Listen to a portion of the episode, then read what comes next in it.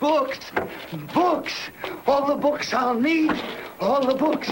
All the books I'll ever want! Because you know I'm all about those books, about those books. Start reading. I'm all about those books, about those books. Start reading. Books are fun.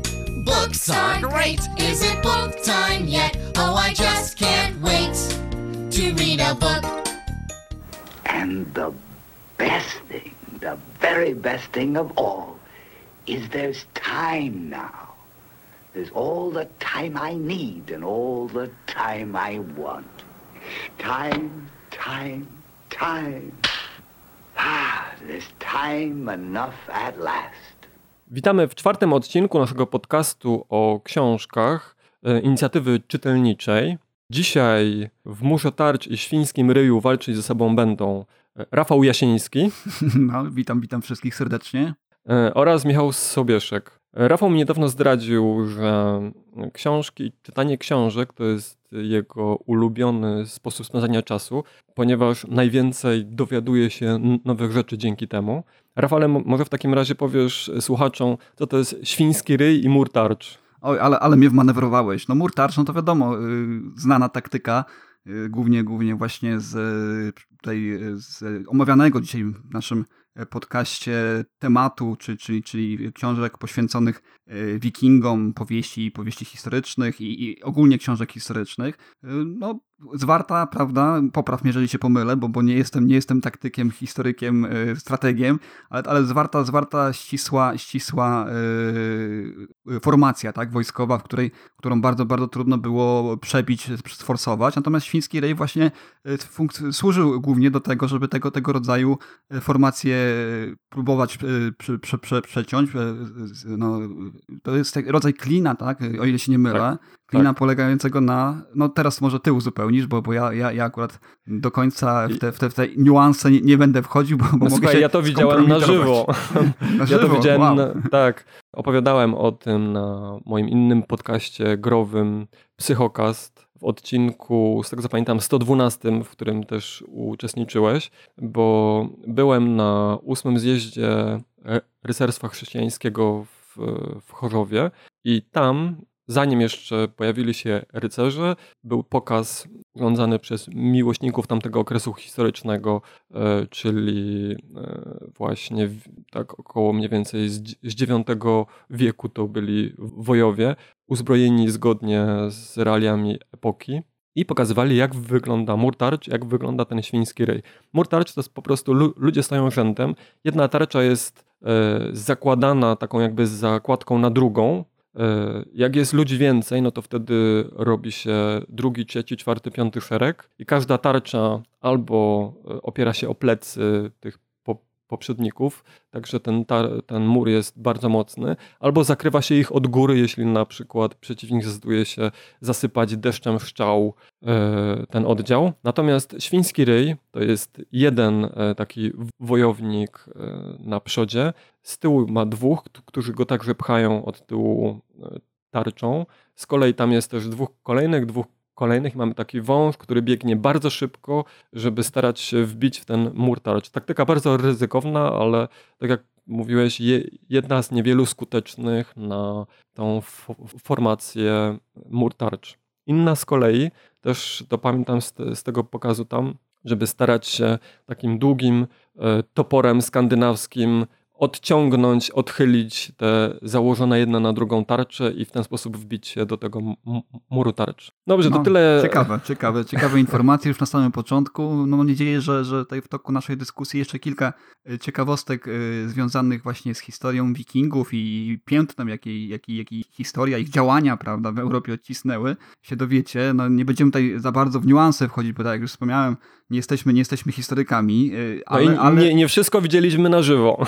no na pewno nie widzieliśmy wszystkiego na żywo. Ja, ja w ogóle nie widziałem tego typu atrakcji na żywo, więc, więc tutaj Michał yy, no, ma, ma dem- nade mną przewagę, przynajmniej widział, jak to od strony technicznej wygląda. Tak? Natomiast ja, ja, ja tylko tyle, że z opisów i jak tutaj dałem dowód tego, też, też nie do końca potrafiłem to sobie zobrazować. Tak, a dzisiaj będziemy rozmawiać o książkach Młot i Krzyż, Nowa historia wikingów Ro- Roberta Fergusona, Furia ludzi północy Filipa Parkera, Hardej Elżbiety Herezińskiej. To są książki, które przeczytał Rafał. Ja za, zacząłem tak mniej więcej powiedzmy jedną trzecią czy jedną czwartą przeczytałem książek Fergusona i Parkera. Natomiast obaj przeczytaliśmy cykl, przynajmniej to co wyszło w Polsce, Wojen Wikingów Bernarda Cornwella. Przeczytałem pierwsze pięć tomów, Rafał przeczytał pierwsze trzy. I będziemy tak jestem, jestem w połowie trzeciego tomu, tak precyzując, dwa i pół, o. Tak. Natomiast zanim przejdziemy do tych książek, to taki mały kącik społecznościowy. Widzę Rafał, że sypie się z ciebie popiołem. Może powiesz, skąd się ten popiół wziął? Tak, no, y, podczas naszego pierwszego y, nagrania, to oczywiście na swoją obronę mam to, że od razu zaznaczyłem, że być może wykazuję się ignorancją w, w tej sferze, nie znając y, tak dobrze aż środowiska podcasterskiego, nie, nie, nie wnikając tak głęboko w to. Y, powiedziałem, że prawdopodobnie jesteśmy pierwszym, nawet padło, padło nawet stwierdzenie, że jedynym podcastem y, poświęconym tylko i wyłącznie książkom. Okazało Rafale, się... ale na twoją, na twoją obronę powiem, że na kilku grupach zadaliśmy pytanie, czy są jakieś podcasty podcasty książkowe. Głównie dlatego, że chcieliśmy posłuchać takich podcastów, ale też zastanawialiśmy się już od jakiegoś czasu na, nad nagrywaniem i byliśmy ciekawi, czy gdzieś w tej sferze podcasterskiej istnieją takie podcasty książkowe, no i odzew, odzew był zerowy, przynajmniej jeśli chodzi o polski podcasting. Tak, ale widzisz, uderzyliśmy w stół, nożyce się odezwały, a tymi nożycami w cudzysłowie są chłopaki Arek i Przemek z podcastu Bookbusters, przepraszam, audio.audio. audio i no, okazało się, że, że tutaj taka fajne, fajne sprzężenie zwrotne nastąpiło z nimi, bo e, zaczęli się bardziej tak jakby motywować, tak? I, i w trakcie mieli przerwę jakąś taką troszeczkę dłuższą e, do momentu, kiedy się ukazał właśnie pierwszy odcinek naszego podcastu i zmotywowani tym, że tak śmiało powiedziałem, że jesteśmy pierwszym, prawda, podcastem, oni też e, no, bardzo w miłej, w miłej atmosferze, przyjaznej skomentowali to z, z dowcipem i zaczęli się brać po prostu nagrywać i już się od tego pory ukazały dwa, dwa odcinki w bardzo krótkim czasie podcastu e, Bookbusters, e, co, co mnie bardzo cieszy. Ja od razu tutaj powiem, że jestem już namiętnym słuchaczem waszego podcastu, jeżeli tego panowie słuchacie i tutaj chciałbym polecić także naszym słuchaczom wasz podcast. Jest, jest, e, jest troszeczkę inny, ponieważ e, chłopaki w przeciwieństwie do mnie, nie wiem czy mogę mówić za Michała teraz, ale w przeciwieństwie do mnie oni słuchają bardzo dużo y, właśnie audiobooków i też u nich możecie znaleźć takie recenzje nie tylko skupione na samej y, warstwie fabularnej danej książki czy, czy, czy merytorycznej, tylko po prostu y, recenzję tego, w jaki sposób tak został nagrane, czy, czy to jest dobra, dobra, jakość, dobra jakość audiobooka, czy, czy jaki lektor jest, tak? Jakich pan, Ale jak, wiesz, to, to też ma znaczenie dla ludzi, którzy się takimi książkami interesują, bo po, powiedzmy sposób wy wydania książki papierowej to już nie ma takiego znaczenia. Jednak jak odsłuchujesz ten audiobook, to już to sprawa wygląda trochę inaczej. Ja tylko tu jeszcze dodam, e, że można znaleźć podcast naszych kolegów na stronie www.bookbusters.audio. Tak, no będziemy, będziemy wrzucać też informacje o nowych odcinkach, będziemy też chcieli, ja myślę, żeby, żeby gdyby nam się udało tak wszystkim razem zgrać, żebyśmy robili sobie takie wspólne odcinki, może nie wiem, podsumowujące rok, ewentualnie jakieś takie, takie popularne premiery książkowe, tak, które zelektryzują wszystkich, byśmy mogli sobie tutaj raz na jakiś czas zrobić taki, taki, taki team-up i, i po prostu wspólnie nagrać. Tutaj y, chłopaki wyrazili wstępnie chęć, oczywiście też z góry zaznaczyli, że, że wiadomo jak to jest z czasem. Wiesz, my we dwójkę mamy nieraz, wiesz, problem, żeby się tutaj zgrać y, ze sobą. Oni, oni również o, o tym mówią, że czasami trudno się ze sobą zgrać, czego, czego też efektem jest ostatni odcinek, kiedy oni y, osobno nagrali sobie, każdy swoje polecanki nagrał i zmontowali z tego jeden odcinek, tak, no bo nie mogli się pewnie, pewnie wspólnie spotkać. Ja powiem jeszcze tak o, o samym podcaście, może jeszcze króciutko. Bardzo mi się podoba yy, oprawa, ten cały, cały, cały, cały, cały ten sztafaż, który sobie chłopaki tutaj wybrali. Yy, bo wiesz, wiesz Michał, tak już mówiąc no, od kwestii technicznej, tak, my, my tutaj cyzelujemy, żeby te ścieżki jak najlepiej brzmiały, żeby nie było hałasów, prawda? A chłopaki... Obaj składamy, wiesz, to, to się też to jest taka skaza, mi się wydaje, biorąca się z tego, że obaj zajmujemy się składaniem podcastów, w związku z tym mamy lekkiego fioła na tym punkcie.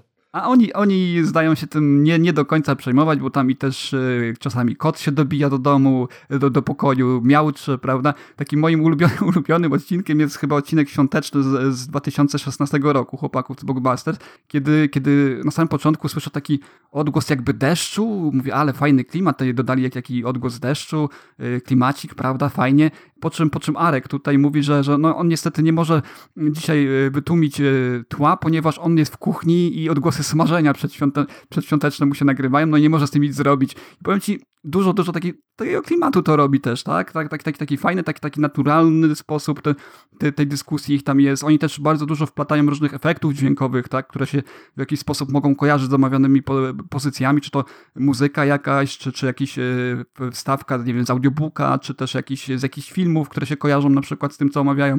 Dużo, dużo pracy w to też wkładają i, i bardzo mi się podoba. Ja, ja jestem w, w trakcie właśnie nadrabiania ich. Bardzo fajnie się czyta i bardzo polecam, bo, bo wiecie, raz my coś wypuścimy, raz oni i zawsze nasi wspólni słuchacze będą mieli coś do posłuchania na temat książek. Tak, także bardzo się cieszę. Raz jeszcze, raz jeszcze tutaj kajam się, że, że, że, że tutaj tak no, wy, wyrwałem przez, przed szereg i, i próbowałem tutaj zrobić z nas pie, pierwszy, jedyny podcast. No, to była nieświadomość pionierów. po prostu pionierów, tak, pewnego rodzaju. A tutaj chłopaki bardzo fajnie, no pozdrawiamy raz jeszcze Arka i Przemka i polecamy również naszym słuchaczom. Tak, i ja też, mm, jak tylko będę miał chwilę czasu, to się wezmę za na, nadrobienie, bo podcasty o książkach to niestety jest duża rzadkość. Bardzo popularne są podcasty o grach, są, jest też trochę podcastów o filmach, serialach, ale o książkach. To na razie wiemy o dwóch, ewentualnie jeszcze możemy też liczyć e, ten spin-off waszego tomografu, który nagrywacie, w którym ja też czasami uczestniczę. Natomiast jeśli chodzi o audiobooki, to pozwolę sobie zacytować komentarz jednej z naszych słuchaczek, Ewy Karpińskiej, która zgadza się z Tobą, Rafale, że audiobooki w pewien sposób narzucają już interpretację. Podczas samodzielnego zapoznawania się z książką słyszę w głowie wypowiedź każdego bohatera, a nawet narratora. Każdy ma inny sposób, inną intonację, tempo wypowiedzi, który niejako sama sobie tworzy. I audiobooki i słuchowiska niszczą trochę tą interpretacyjną konstrukcję, sprawiając, że nie jest to już moja książka. No, ja mam do tego dokładnie takie samo podejście mm. jak ty i Ewa. Dziękujemy w ogóle bardzo za komentarze. Komentarze dla podcasterów, słuchajcie, to jest taki miód na nasze serce. W zasadzie tak, takie nawet, pali... jak, nawet jak się jeden komentarz pojawi, to, to już się cieszę, bo, bo wiem, że ktoś e, do czegoś się odnosi, że ktoś y, poświęcił trochę czasu, żeby posłuchać tego, co mówimy, więc to motywuje i to bardzo, tak? A co tak. jeszcze do, do, do Ewy, e, chciałem dodać jeszcze jedną kwestię, bo tak jak powiedziała, ja już o tym mówiłem dużo, nie będę tutaj się rozwodził nad tym. Dla mnie jeszcze takim minusem audiobooków jest, że bardzo często występują, znaczy jako lektorzy występują znani aktorzy, tak? Oni się już, ich twarze się kojarzą, y, ich głos jest znany i to troszeczkę też, też mi to jeszcze bardziej psuje tę, tę, tę, tę, tę y, możliwość korzystania, tę, tę możliwość wyobrażania sobie na swój sposób tego, tego co mówią bohaterowie, tak? To, no tak, to już prawie zakrawa jak czytanie książki po obejrzeniu filmu albo serialów w temacie, z czym musieliśmy się mierzyć, przynajmniej ja, jeśli chodzi o ten cykl wojen wikingów Bernarda Cornwella. Bo ja byłem po obejrzeniu, ja tą książkę czytałem mm -hmm. po obejrzeniu z, z serialu i też będziemy starali się odpowiedzieć na to pytanie, co, co warto zacząć najpierw, czy książki, czy, czy ten serial.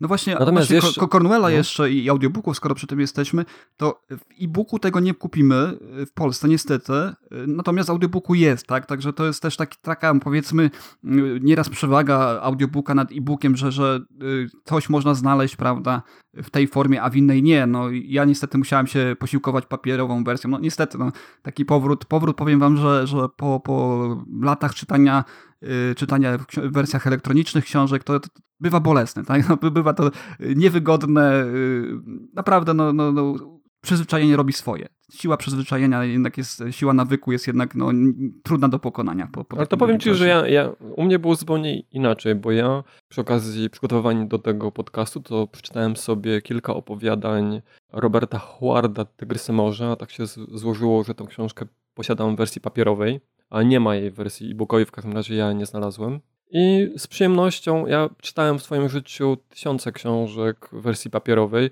i z przyjemnością wróciłem do przewracania stron. E, jedyny minus e, polegał na tym, że musiałem czytać z zapalonym światłem, bo ja normalnie czytam książki właśnie na dosyć dużym telefonie, więc on jakby świeci sam z siebie. Ale wiem, że dotyczy też na e, czytniku Kindla, więc tam też Mhm. potrzebne jest osobne światło, ponieważ y, ten czytnik sam z siebie nie świeci. Otóż świeci, y, od, od, od, chyba od, od y, edycji Paperwhite 3 jest już podświetlenie niektórych, chyba. Nie, nie, nie chcę teraz błąd kogoś brać, ale, ale chyba tak, od Paperwhite. No, Voyage i, i Oasis, którego ja mam, też, też mają podświetlenie i powiem Ci, że to jest naprawdę niezwykle wygodne, zwłaszcza kiedy nadchodzi jesień, prawda, sz- szybciej zapada zmroki i na te długie jesienne wieczory, no to jest, powiem, bardzo fajna rzecz, a Światło to jest troszeczkę inne, innego rodzaju światło, to jest takie światło powiedzmy, y, gdzie, gdzie diody są umieszczone na krawędzi ekranu i ono nie jest tak inwazyjne dla wzroku, jak na przykład światło bijące od tabletu czy od telefonu, tak? Także wszy- wszystkim polecam. Kindle też ma podświetlenie, jeżeli dla kogoś jest to minusem, który, który go odwodził od zakupu Kindla, to, to są też wersje. Całkiem niedawno była zresztą promocja na, na, na niemieckim Amazonie, można było nabyć y, chyba za, za, za jakieś 60 euro 60-70 euro y, Kindle Paperwhite właśnie z podświetleniem. No widzisz, dla mnie to jest y, zupełnie nowa informacja, nie wiedziałem o tym. A jeśli chodzi jeszcze o komentarze, to dziękujemy też bardzo Piotrkowi Wysockiemu za komentarz.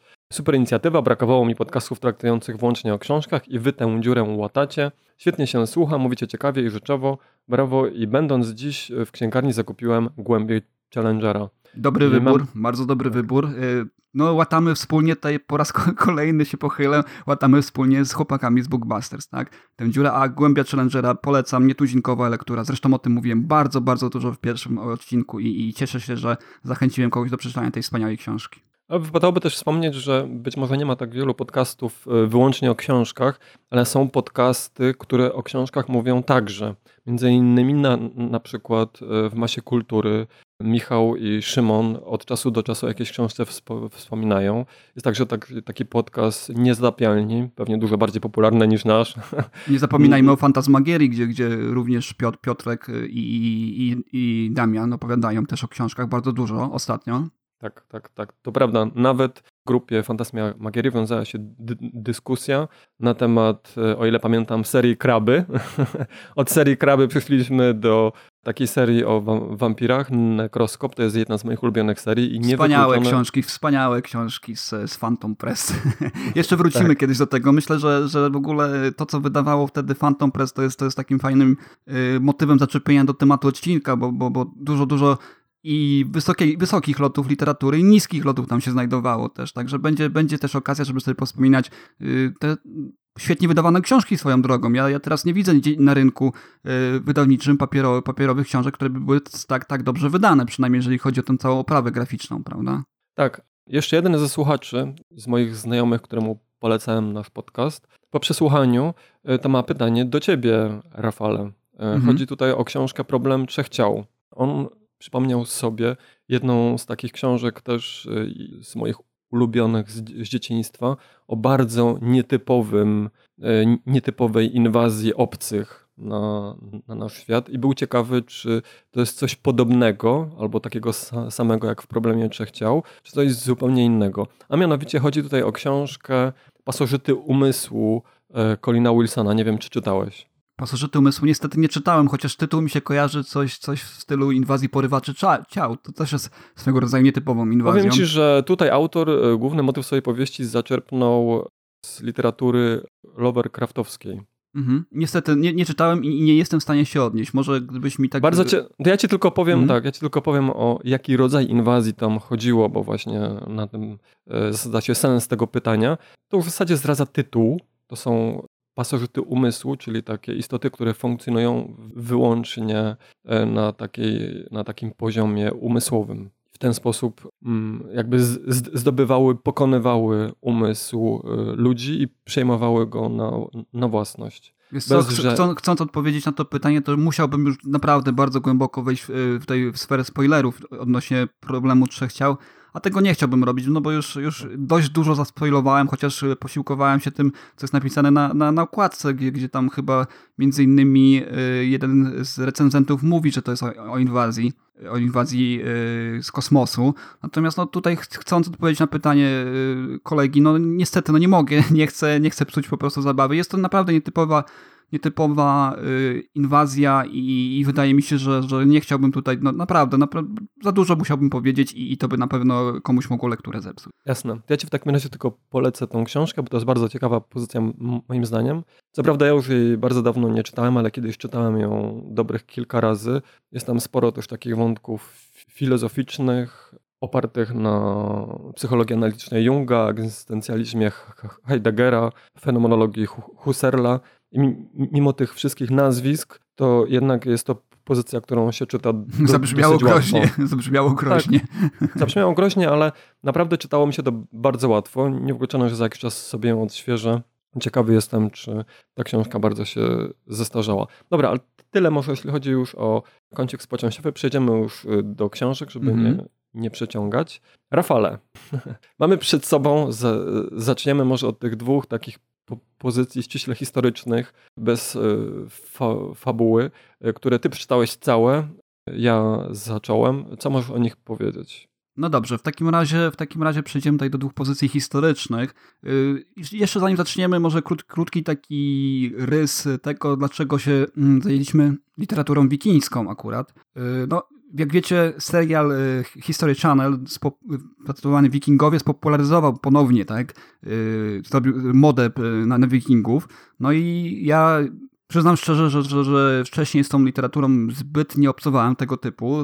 Nie interesowała mnie aż tak bardzo historia wikingów. Natomiast tej historia Ragnara Lodbruka, tak, opowiadana w serialu i jego, jego, jego rodziny całej, no jakoś mnie pchnęła właśnie na te tory. Zaczęło się właśnie od, od, od Bernarda Cornwella, no i później troszeczkę, tak można powiedzieć, efektem kuli śniegowej y, zacząłem sięgać po kolejne pozycje i jakoś tak się złożyło, że, że Michał też wspomniał mi o tym, że on y, też jest fanem właśnie wieków średnich, prawda, te, też, też lubi dużo czytać o wikingach, też y, ma, ma w swoim dorobku czytelniczym książki, które, które już za sobą ma i o wikingach traktowały wcześniej, więc no, padliśmy na pomysł, żeby nagrać tutaj odcinek taki mm, powiedzmy wikinicki, tak, poświęcony książkom właśnie związanych z tematyką wikingów. Dwie pozycje, które, które ja tutaj y, poleciłem Michałowi. Michał y, w trakcie czytania ich jest, jeszcze jest chyba, tak? To jest, to jest, tak, to jest, tak, tak. To są, to są, to są y, w zasadzie można powiedzieć, w zasadzie można powiedzieć, że tak na początku, bo w trakcie to by sugerowało, że są gdzieś tak w połowie, a tam jestem jeszcze mhm. grubo przed połową. No, to są książki panów Roberta Fergusona, Y, to jest, to jest absolwent Uniwersytetu Londyńskiego, to jest taki bardzo prestiżowy uniwersytet, tam między innymi Graham Bell był y, jego, jego, jego mm, absolwentem. Y, na Wydziale Skandynawistyki, no wcześniej podejmował się różnych prac, Robert Ferguson, między innymi był kucharzem, sanitariuszem, listonoszem, marynarzem, także, także człowiek można powiedzieć renesansu w pewnym sensie. Tak, taki... tak ale po, powiem ci, że z ręki takich ludzi czasami powstają naprawdę wspaniałe książki fa fabularne. Co prawda akurat ta pozycja to, taką książką nie jest, bo to jest ściśle taka kompilacja źródeł hi hi historycznych, ale jeśli kiedykolwiek bym na, napisał, bo chyba jeszcze nie zrobił jakąś książkę beletrystyczną, to mogłoby być to bardzo interesujące. No tak, tak, tak. Możliwe, możliwe, chociaż powiem ci, że, że po stylu jego, no niestety nie mogę powiedzieć, czy to by była dobra książka, bo, bo trudno oceniać, e, chociaż wiesz, no... E, no nie da się, nie da się. To jest no, zupełnie inny sposób to, pisania. Powiem da się, niektórzy, niektórzy historycy potrafią napisać e, tak, że się wiesz, z pasją, e, z wypiekami na twarzy książki. No oczywiście zarówno tutaj e, Robert Ferguson czy, czy Philip Parker, do którego za chwilę przejdę, oni te, te, tego drygu nie mają, że tak powiem, tego, tego, tego, tego czegoś, tego umiejętnego można powiedzieć, bo wiesz, nawet opowiadając historię, tak, trzymając się ściśle faktów historycznych, można, można to zrobić tak, że, że, że jest pewna dramaturgia, jest, jest pewien, wiesz, tempo narracji, podawanie faktów w odpowiedniej kolejności i można, można po prostu to zrobić tak, że człowiek siedzi i nie może się oderwać. Natomiast tutaj zarówno Parker, jak i, jak i pan Ferguson, no, no trudno, trudno by było nazwać ich tutaj jakimiś, nie wiem, gigantami pióra, prawda, literackimi. Natomiast jeżeli chodzi o fakty historyczne, to Robert Ferguson, no, chylę czoła, tak jak powiedziałeś, u Fergusona to jest właśnie, mm, bardzo skupia się na, na, na, tych, na tych źródłach, na, na kompilacji źródeł. U niego, jest, u niego jest to ściśle powiązane wszystko, o czym opowiada, to, to, to bardzo często sięga właśnie do, do odkryć archeologicznych, na tym się skupiając bardzo, bardzo często, y, etnografii, y, nie wiem, no, nawet, nawet biologicznych y, kwestii, gdzie, gdzie pod koniec każdego rozdziału, bo, bo to jest taka... Tak Ale powiem ci, też... że... Mhm. Powiem ci, że bardzo mi się spodobało właśnie to w, motu, w mocie i krzyżu Fergusona, Tam jest sporo podanych konkretnych przykładów znalezisk i bardzo ciekawie opisanych. E, to mnie przyciągnęło bardziej, co wciągnęło bardziej e, niż e, książka Parkera. Tak, tak. O tym za chwilę powiem, bo, bo stwierdzam, czytając jedną książkę po drugiej, stwierdzam, że, że te książki bardzo fajnie się uzupełniają. Ja się trochę tego bałem, tak? Sięgać po jedno takie źródło i zaraz potem po drugie. Myślałem, że będzie się dużo rzeczy powtarzało. Owszem, powtarzają się. No, obie, obie traktują o historii wikingów, prawda? Więc nie da się tutaj pominąć no pewnych, pewnych dokładnie rzeczy. o tym samym, dokładnie, biorą pod uwagę dokładnie ten sam okres historyczny, około ponad 200 lat, kiedy wikingowie najeżdżali na Europę.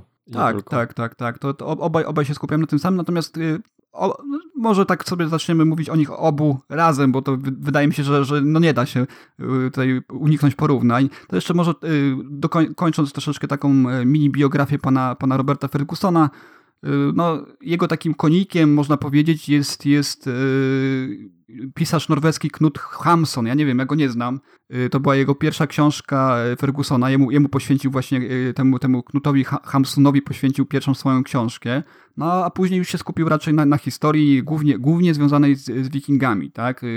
Ma również w swoim dorobku książ, książki beletrystyczne, nie tylko, nie tylko literaturę faktu, także, także może, może no, w Polsce niestety została wydana tylko ta jego jedna książka, właśnie Młot i Krzyż, Nowa historia wikingów, natomiast no, chętnie, chętnie bym chciał zobaczyć, jak, jak on się sprawdza od tej strony właśnie czysto beletrystycznej. No, może kiedyś się, może kiedyś się ukaże jego książka też y, w Polsce, tak? Y, I tak jak wspomniałem, no, u, niego, u niego jest to mm, dużo, dużo bardziej niż u Parkera y, skupione właśnie na, na tych źródłach. Tak? Bardzo dużo cytatów jest splecione tutaj. Sakso, dużo, sakso, saksogramatyka, takie, takie jedno z czołowych źródeł, jeżeli chodzi o, o historię wikingów zachowanych, y, czy, czy Struriego Strulsona. Y, bardzo dużo tego wplata. I masa no są tych... fragmenty też sag skandynawskich. Tak, jest, jest i skandynawskich, i innych również, tak, źródeł historycznych. Y, Hodona chociażby, który tutaj przoduje, jeżeli chodzi o, o, o źródła we Francji, tak, o, osadzania się wikingów, tak, i, i powstania Normandii.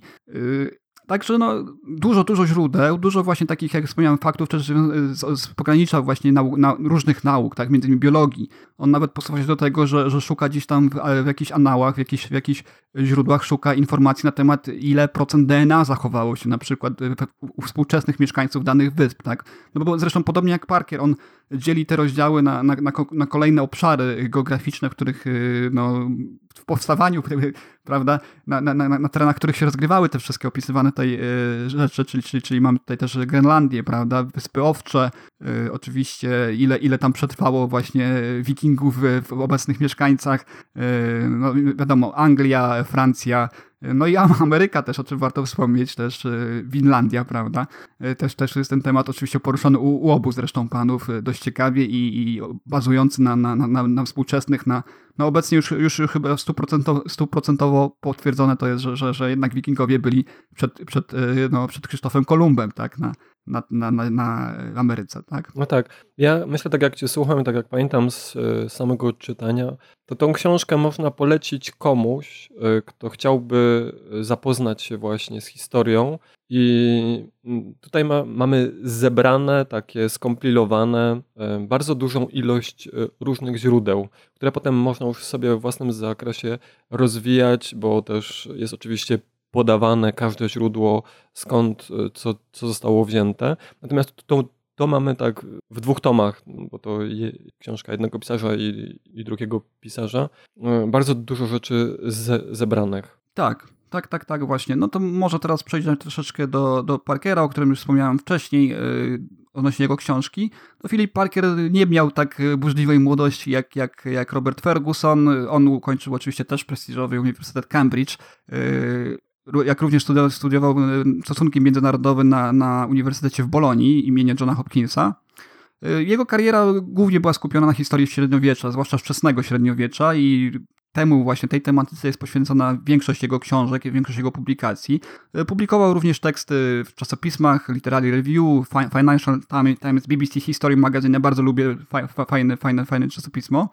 E, jego najsłynniejszą, najpopularniejszą książką, niestety niewydaną e, w Polsce jest Empire Steps Here, A Journey Along the Frontiers of the Roman World. To, to jest historia skupiająca się właśnie na tym, co się działo na pograniczu na pograniczach cesarstwa, cesarstwa Imperium Rzymskiego. Chętnie bym ją przeczytał. Nie, nie wiem, czy, czy, czy, czy się z nią zmierzę po angielsku. Mam nadzieję, że również pojawi się w Polsce. No a jedyną w Polsce książką, która się do tej pory ukazała jest właśnie Furia Ludzi Północy, która no, znalazła się na liście bestsellerów w 2014 roku, kiedy została wydana czasopisma Sunday, Sunday Times, tak, angielskiego. No i Cóż, y, Parker, tak jak wspomnieliśmy wcześniej, on troszeczkę bardziej leci, y, nie, nie powiem pobieżnie, tak, bo, bo u niego to jest dużo, dużo takie bardziej można powiedzieć y, skupione na samej historii, tak? Na tym, co się działo, mniejszym On stopniu masę właśnie... faktów podaje. No. Masę faktów. To jest, to jest takie, ja, ja, ja pisałem troszeczkę taką opinię na, na, na serwisie Lubimy Czytać i tam zaznaczyłem, że to jest taka książka, która bardzo, której bardzo blisko jest do podręcznika, tak? Takiego, takiego typowego tak, tak, dokładnie podręcznika. Tak.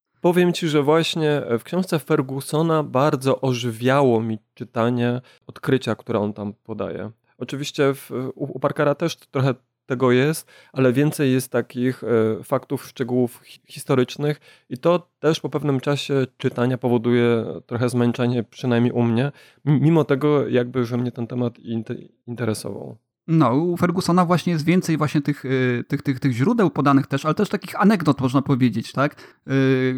No już na samym początku fajną, fajną anegdotę przytacza, gdzie, gdzie przez bardzo długi czas odkryty kamień runiczny, tak, z którego różni ludzie, różni badacze na przestrzeni wieków odczytywali różne rzeczy, a na końcu się okazało, że ostatni, ostatni wynik badania... Że to przyroda była. Że to przyroda, tak, że to była formacja jakaś wy, wy, wykonana polodowcowa, yy, wyżłobiona w kamieniu, no i tak, tak, tak bywa po prostu. I on właśnie Pamiętam, też... Mnie to też rozbawiło on właśnie też właśnie dużo takich, takich historii wplata yy, tutaj. No a u Parkera to jest taki typowy, podręcznikowy, analityczny wręcz można powiedzieć zbiór faktów yy, związanych właśnie z z wikingami, co, co też ma swoją zaletę, prawda, bo, bo jest to bardzo moim zdaniem rzetelne, bardzo takie yy, konkretne, tak, tutaj nie ma żadnego lania wody, mowy trawy, tylko po prostu mamy konkretne fakty dotyczące, dotyczące wikingów. Yy, Parker bardzo fajnie to podzielił sobie też, też obszarami, tak, czyli, czyli poczynając tam od, od, od Anglii, yy, poprzez Francję, no i chyba, chyba yy, Grenlandię, Islandię też,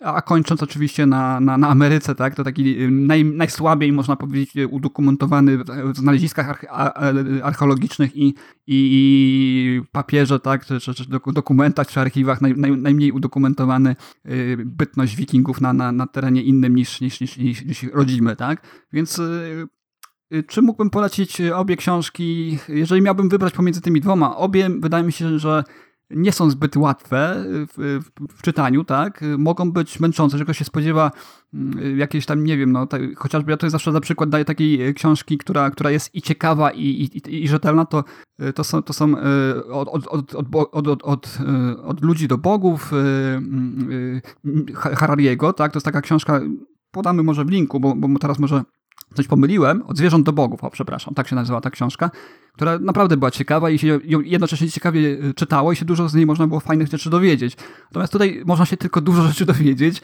Z tych dwojga y, pisarzy wydaje mi się, że jednak lepszym jest Ferguson, takim bardziej przystępnym, chociaż obaj, tak jak wspomniałem, no, popadają w tą taką manierę typowo, typowo takiego racjonalizatora, tak, przepraszam, relacjonalizatora, czy, czy, czy, czy jest takie w ogóle słowo, nie wiem, w języku polskim, ale może jest. W każdym razie myślę, że wiadomo o co mi chodzi.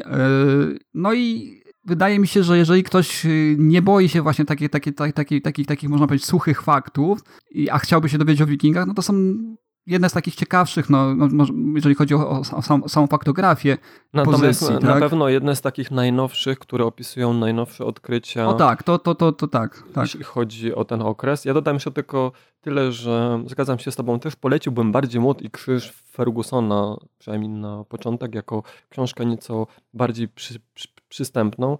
I też w jednym rozdziale opisuje między innymi właśnie tą pierwszą falę najazdów i zajmuje się przy okazji powstałymi wówczas legendami, jak ta o Ragnarze Lodbroku i jego synach, co jak wiemy e, stało się podstawą do, znaczy mam na myśli, że te legendy stały się mhm. podstawą potem do napisania książek przez e, między innymi e, Cornwella, ale także do serialu Viking, o którym ty wspominałeś i o serialu Ostatnie Królestwo, którego głównym bohaterem jest e, Utrecht, e, ten bohater Cornwella. Tak, ja też sobie pozwolę jeszcze nawiązać e, odnośnie właśnie tak jak powiedziałem, wyszedłem, yy, poszedłem do książek z, takiego, z takiej z fascynacji, wypłynęło to właśnie serialem, tak, Wikingowie i też szukałem właśnie w tych, w tych książkach jak najwięcej właśnie tego, co było w serialu. Ile, ile, i jakie, to, jakie to ma podłoże y, w faktach, y, to prawda? No i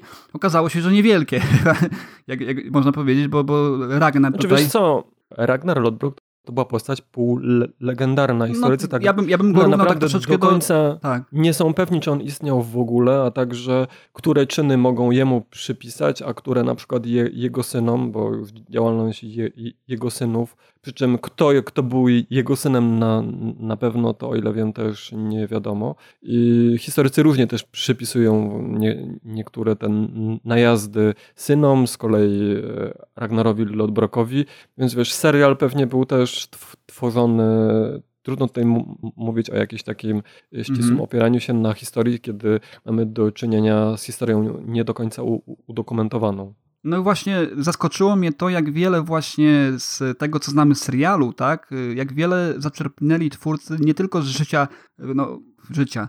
Nie, nie wiemy, tak, bo Ragnar to taka troszeczkę, można powiedzieć, dla, dla, dla Skandynawów to troszeczkę może być legenda pokroju, nie wiem, króla Artura chociażby, tak, że on tam mo może istniał, może nie, Prawdopodobnie tak, ale, ale właśnie tutaj z tych książek wypłynęła taka nauka dla mnie, że, że bardzo dużo właśnie z różnych życiorysów innych y, bohaterów wikińskich, y, historycznie potwierdzonych, istniejących, y, zaczepnięto właśnie do, do, tutaj do, do życiorysu Ragnara Lodbruka. Tu jest ta słynna historia, kiedy on się dostał w trumnie, tak, udał zmarłego i dostał się w trumnie do, do mm, do, do, do, do oblężonego Paryża, tak, żeby, żeby się tam przedostać i wziąć, wziąć jako króla, jako zakładnika. Jest, jest taki motyw w serialu.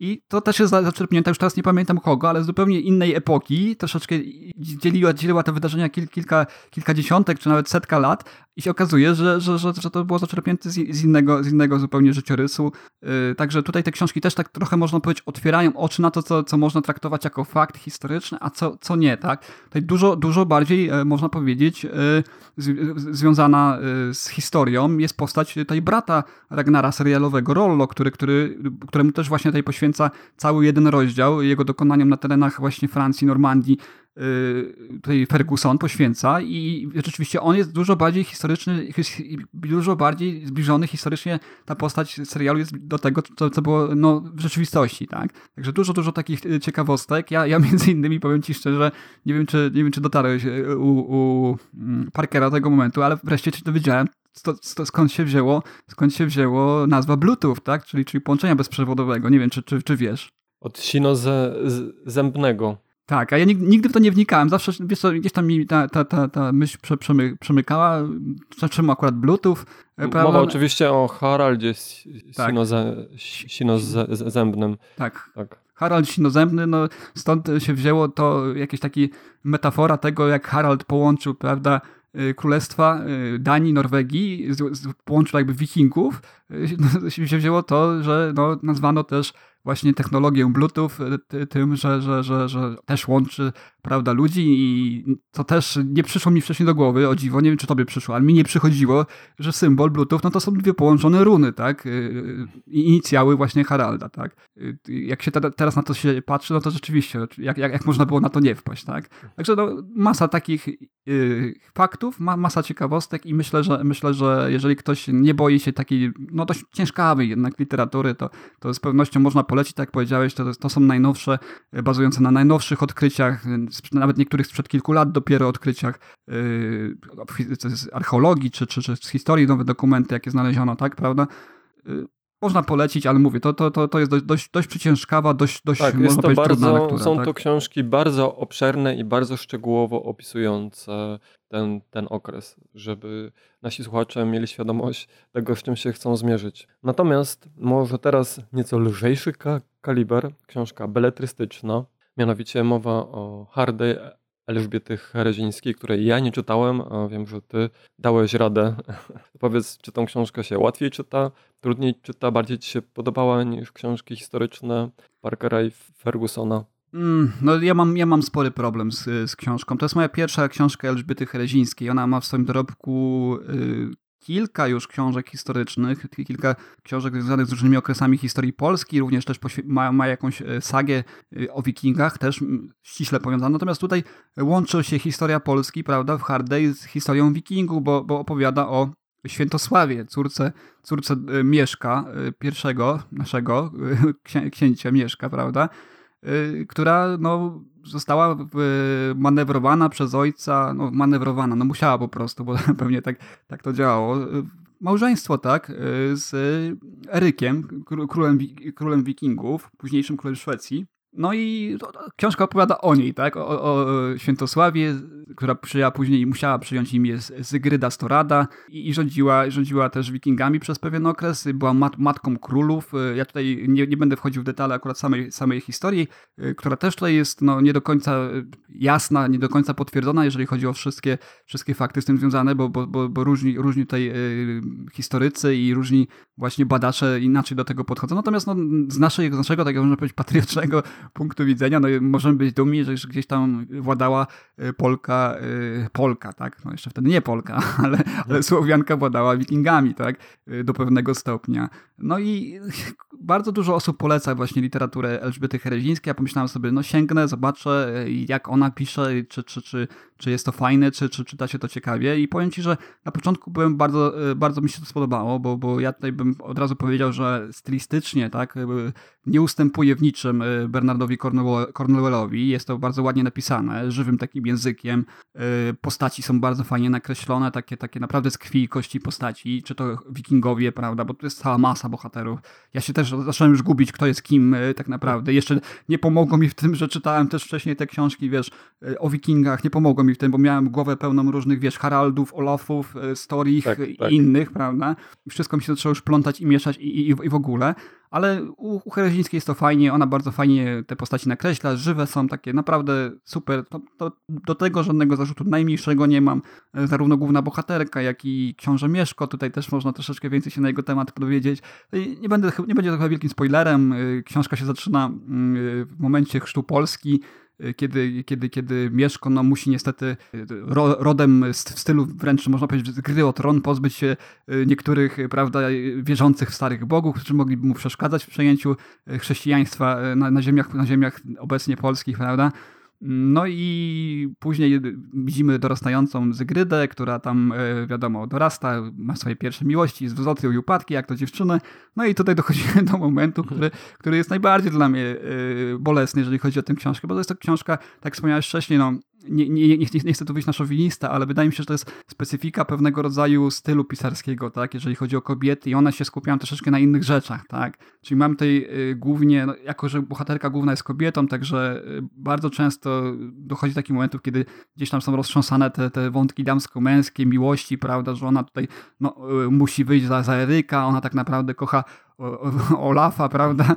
Więc no, są, Rozumiem, te... że te wątki cię trochę męczyły. To nie tylko te wątki, bo, bo ja wiem, że to jest historia i, i powieść historyczna też się rządzi pewnymi prawami, gdzie niektórych rzeczy się po prostu nie da przeskoczyć, a po prostu się zdarzyły, tak? Są potwierdzone w faktach, mniej lub bardziej. Natomiast y, no nie, i tak nie, nie, nie czytałem, nie czytałem jak długo. potem no. będziemy wspominać o książce, o książkach Bernarda Corwella, to on tam nieraz mija się z historią. Pod koniec każdej książki jest wytłumaczone w dlaczego, których momentach tak? oraz dlaczego zdecydował się właśnie ze względów jakichś takich pisarskich, e, żeby książka była ciekawsza albo ze względu na tego bohatera, który, którego dołożył do, do, do tej historii, czyli Utreda. W związku z tym musiał pewne fakty historyczne po, pozmieniać albo stworzyć... Widzisz, tu jest, tam no? jest tym, tym wytrychem takim, który pozwala nadać tej, tej narracji takiego, takiego tempa, swoistego zwrotów akcji różnych dodać, tak? To jest, to, to jest postać, która generalnie, można powiedzieć, jest tylko wzorowana na jakiejś postaci historycznej. To jest takiej, powiedzmy, y, z punktu widzenia historii pomniejszej, tak? Historia, wiadomo. A, a tutaj mamy, bohaterami są, jest, jest i Bolesław Chrobry, tak? I inni synowie Mieszka, jest Mieszko, są wikingowie, potwierdzeni historycznie istniejące postaci, których w, te, w, tych ramach no, trudno gdzieś tam operować nimi, tak, zmieniać w jakiś sposób znaczący tę historię, tak. I tu mam największy zarzut, bo w tej książce się po prostu nic nie dzieje, no. I wiesz co, ja jestem facetem, ja lubię książki, wiesz, gdzie od czasu do czasu, wiesz, jeżeli jest powieść historyczna, to ja lubię jakąś bitwę dobrą, dobrze opisaną, przeczytać, nie? Jakiś pojedynek na miecze, jakieś, jakieś pościgi i ucieczki, prawda? No, to troszeczkę już, troszeczkę już żartuję, ale, ale tak jest. A, a tutaj y, dużo czasu się spędza na mówieniu o wydarzeniach, tak? Czyli gdzieś tam popłynęli i, i, i coś zrobili i, i się jakaś bitwa wydarzyła, niż na faktycznym opisie przebiegu tego, co się działo. I, i to mnie najbardziej boli tutaj w tej, tej książce, bo tutaj y, bohaterowie bardzo często takie popadają w takie monologi wewnętrzne, co, co mi się, wiesz, z punktu widzenia literackiego to, to jest, to jest fajnie napisane, tak? To, to, to, to poetycko, poetycki język. Tutaj motyw właśnie jest ataku Olafa i Svena Widłobordego na Londyn też. I no dobra, no jest ten atak opisany, ale ona tak, wiesz, no, opisuje to poetycko, kłęby dymu i tak dalej, ale nie ma tej dynamiki. Brakuje mi tego tempa, dynamiki, coś sobie tą powieść, wiesz, żeby, żeby sprawiało, żeby się to chłonęło, tak czytało. A tutaj jest gdzieś ta sfera bardziej romantyczna zaznaczona może, bo wiadomo, i, i, i, i, i Zygryda tutaj ma, e, przepraszam, Świętosława ma, ma siostry, które też tam mają swoje rozterki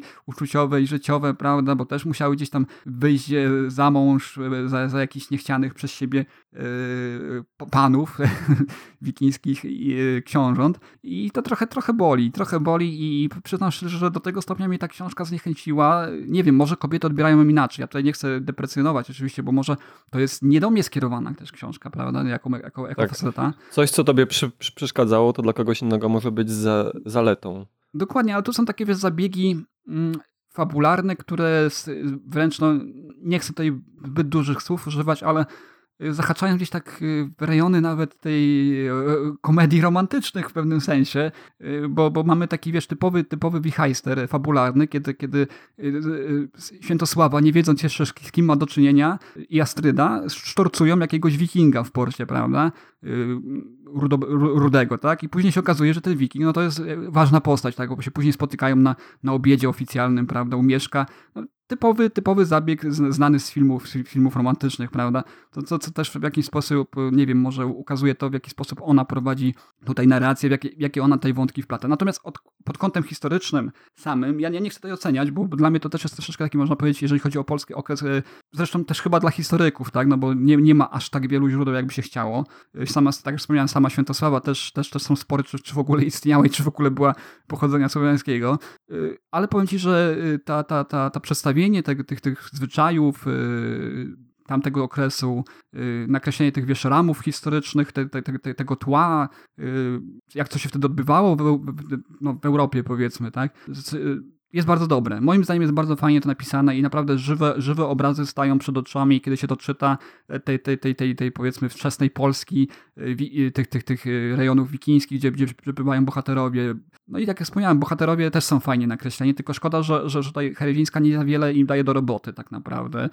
I po prostu dużo mówią, dużo dialogu jest. No, właśnie do dialogów też mam pewne takie, powiedzmy, zastrzeżenia, że za dużo anachronizmów wplata. Ja, ja nie mam nic ogólnie przeciwko temu, bo Cornwell to też robi, przynajmniej tłumacz to robi. W każdym razie, y, kiedy, kiedy usłyszałem, że, że jedna postać mówi do drugiej, ty mi tu nie ściemniaj, no, ściemniaj, to, to jest słowo, słowo oczywiście bardzo głęboko siedzące w naszym języku, natomiast używane współcześnie, prawda, gdzieś tam w środowisku, nie wiem, młodzieży można powiedzieć do pewnego stopnia, to, to, to mi już nie, nie, nie przypasowało. Też pewne zabiegi fabularne, tutaj bohaterowie na przykład e, młodzi jeszcze wówczas e, zjadają grzybki pewnego rodzaju i mają wizje, prawda, oczywiście te wizje muszą być e, zgodne z faktami historycznymi według, bohater, e, według autorki, czyli widzą to, co się naprawdę w przyszłości im stanie, to też taki można powiedzieć element, element fantazy tutaj wplecione, można powiedzieć, ale też, też taki y, jakiś, jakiś, nie wiem, no jakaś kontrkultura y, Polsce istniała wtedy na terenach polskich, bo młodzież, młodzież oddawała się zabawom takim jak używanie narkotyków, prawda? Takim, takim, takim postępkom. To też tak, tak mi się wydawało nie na miejscu, chociaż no, może, może, i, może i były takie grzybki, które jedli i odpływali. Zresztą w serialu Wikingowie też jest taki cały wątek poświęcony uzależnieniu Ragnara od pewnego rodzaju y, ziół. Zgadza się. A słuchaj, jeszcze tak a propos Ragnara, bo ja pamiętałem to, ale teraz musiałem so, sobie doczytać, bo nie byłem na 100% pewien tak jak mówiłem, Ragnar to jest postać taka półlegendarna. Historycy twierdzą, że istniał naprawdę, ale być może był, były to dwie różne postacie, e, które potem połączono w jedną. I ty wspominałeś, że tam była taka sytuacja, jak on się podał za martwego, żeby dostać się do Paryża, pamiętasz? Mm -hmm. I że to zostało wzięte z jakiejś, e, bo to się działo w serialu e, że to, to zostało wzięte z jakiejś sytuacji, która miała miejsce kilkaset lat później. Ja czytałem, że podobno to był czyn, którego dokonał jego syn. Synowie są już postaciami historycznymi. E, Bjorn Żelaznoboki też był w tym serialu. I to się nie działo w Paryżu, ale przy włoskim mieście mhm. Lucca. Tak. Chce się nawrócić i ochrzcić. No, został przy, przy, przeniesiony do środka miasta, po czym okazało się, że czuje świetnie i przebił się wraz z towarzyszami do wrót miasta, otworzył je i zdobyli miasto. No i w serialu właśnie ten, ten, ten czyn został przy, przypisany je, jego ojcu. To tyle, jeśli chodzi o prawdę historyczną w serialu. Mimo tego, że tutaj akurat jakby były, były te fakty znane. Dobra, to może tyle na temat tej hardej herezińskiej. Chyba, no ja, ja, ja, z pewnością, ja z pewnością nie sięgnę po kolejną książkę. Nie wiem, może tutaj nasi słuchacze mnie wyprowadzą z błędu, może inne pozycje polecą autorki, które cechują się troszeczkę większą dynamiką akcji. Żeby nie było, ja nie jestem taki, że, że ja muszę mieć ciągłą akcję. Ja też lubię ładnie, fajnie napisane książki, w których się nic nie dzieje, tylko po prostu... w których się nic nie dzieje. No, czasami takie jest, po prostu są fajne książki, które wiesz, czytasz dla samej, dla samej yy, narracji. To, to znaczy, są takie książki i mam w, mam, mam, mam w swojej, swojej historii czytelniczej takie książki, ale, ale tutaj jest po prostu, to, po prostu śmiertelnie nudne dla mnie, no i być może właśnie dla pań, dla, dla kobiet jest to dużo ciekawsze. No jak wspomniałem, no, plastyczne przedstawienie czasu, historii, prawda, ładny styl też, chociaż też nie, nie taki, żebym aż był, wiesz, tak zachwycony stylem, żeby, żeby czytać to i, i, i mówić pal licho, pal licho akcję, nie, nie musi się nic dziać. No ale rozczarowałem się, tak? No bo widziałem masę dobrych ocen na, na, na serwisie Lubimy Czytać. Myślałem, że będzie to coś... Na samym początku zresztą myślałem, że o, mamy do czynienia, tutaj nie przymierzając do to, prawda, kobieta z, z polskim odpowiednikiem Cornwella, tak? Ale no niestety, no zabrakło, zabrakło tego czegoś, zabrakło tej iskry, no i za dużo jest właśnie poświęcone tematom, które no mnie osobiście aż tak nie, nie pociągają w literaturze, tak? Cóż, w takim razie przejdziemy może już do tego, e, do Bernarda Corwella i jego cyklu e, na razie ośmiu tomowego e, Wojny Wikingów. W Polsce zostały wydane pięć pierwszych książek i te pięć pierwszych książek ja przeczytałem. Rafał przeczytał dwie, dwie i pół. I tak, e, ja zacząłem od serialu. Pamiętam, że jak oglądałem ten serial, bardzo mi się podobał i również go polecam, to zacząłem szukać e, w internecie oczywiście czy taki wspaniały bohater jak Utrecht istniał naprawdę i nie znalazłem żadnych informacji na ten temat. Jednak okazało się, jak już czytałem książkę, że istniał faktycznie. To był jeden z przodków e, pisarza e, właśnie Corwella, e, tylko po prostu Cornwell przesunął go nie, nieco w czasie, chyba o kilkaset lat, bo Utrecht żył później. W ogóle cała akcja zaczyna się w takiej twierdzy w Bamberburgu, które podobno też ród y, Cornwella pochodzi, jeśli dobrze pamiętam. Cornwell głównym bohaterem uczynił jednego ze swoich przodków, z tym, że oczywiście dokonywał on czynów, których w, w rzeczywistości nie dokonywał. No i jeśli chodzi o książki Cornwella, to Ra Rafale nie mógłbyś narzekać na to, że tam się zbyt mało dzieje. No nie, dzieje się całkiem sporo. Sporo się dzieje. Utret jest takim fajnym bohaterem, którym, z którym no, nie wiem, czy, czy można powiedzieć, że można się utożsamiać, natomiast bardzo fajnie y, dzieje jego losy i jego sposób postępowania. On jest taki zawsze szorstki, y, gorącogłowy, zawsze pakuje się w, jak, w, jakąś kabałę, a z drugiej strony gdzieś tam y, no, jest bardzo, bardzo honorowy. Bardzo honorowy jest też. Do pewnego stopnia oczywiście y, z jego wikińskiego tak jakby no, wychowania wynika troszeczkę ta, ta przewrotność taka, która, która cechowała również wikingów. Tak, no bo na, na, należy wspomnieć, że z urodzenia Utred jest Sasem. Urodził się właśnie w tej twierdzy Brandenburg, ale jak miał 10 lat, to e, był najazd e, Duńczyków e, na tamto miejsce. Twierdzy nic się nie stało, natomiast jego ojciec został zabity, on został e, porwany i można powiedzieć usynowiony później, najpierw jako niewolnik, a potem został usynowiony przez jednego z Duńczyków, który o ile pamiętam też się nazywał Ragnar. Tak, mhm. Ragnar. Dokładnie tak. I y, tam Uter za swoim tym prawdziwym ojcem nie przepadał. Po, podobno był to człowiek taki ponury i raczej... Szorstki taki był, bardzo, bardzo y, taki no nie wiem, traktował go troszeczkę z takim dystansem, tak? No, wydaje mi się, że, że, że no, miało to swój sens yy, i być może chodziło o to, żeby też wychować na, na człowieka honoru i twardego człowieka Utreda, przepraszam. Natomiast w serialu dużo, dużo większą więź widziałem już na samym początku. Zresztą oj, ojcu dużo nie jest poświęcone samemu, natomiast wydaje mi się, że w serialu jednak, jednak ten żal po stracie ojca jest dużo większy i ta postać też jest troszeczkę taka, można powiedzieć, yy, bardziej, bardziej życzliwa. O pewnym sensie, tak? Niż ta, którą, tak, którą no, w książce ale mamy. E, w książce dużo większą więź zbudował właśnie z tym e, Duńczykiem, u którego się e, Tak, on nawet, nawet przyjął imię jego, tak? Znaczy nazwisko, można powiedzieć, czy, czy przydomek Ragnarsson, tak? Po nim przyjął, tak? No a sam Ragnar twierdził, że on, on jest dla niego jak syn. Natomiast jeśli chodzi o serial, no to w serialu spora część tego dzieciństwa Utreda została wycięta w, ogóle e, serial, jeśli porównamy go do książki, to jest dużo bardziej ubogi o wątki. Skupia się głównie na postaci Utreda.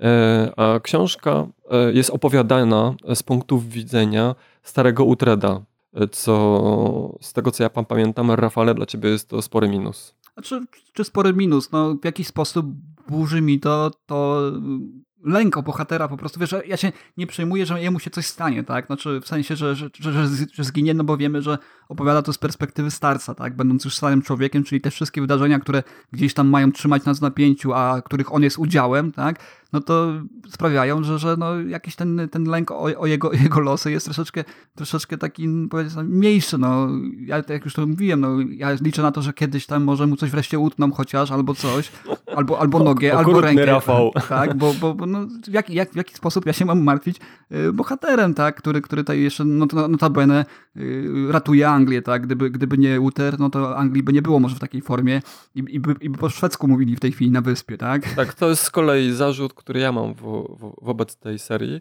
Natomiast wiesz co, mnie to tak bardzo nie przeszkadzało, ponieważ e, jak oglądałem serial, to tam z kolei Uther jest głównym bohaterem. Dla mnie oczywiste było, że główny bohater nie zginie, więc jak zacząłem czytać książkę i książka się zaczyna właśnie od opowieści starego Utera, też jakby od początku wiedziałem, że Uther nie zginie, ale jakoś bardzo mi to nie przeszkadzało. I tak jak to Cornwell, bo Cornwell, e, ja przed tą serią to czytałem tylko cykl arturiański, e, trzytomowy, z tego co ja pamiętam, Cornwella. Bardzo mi się ta książka podobała.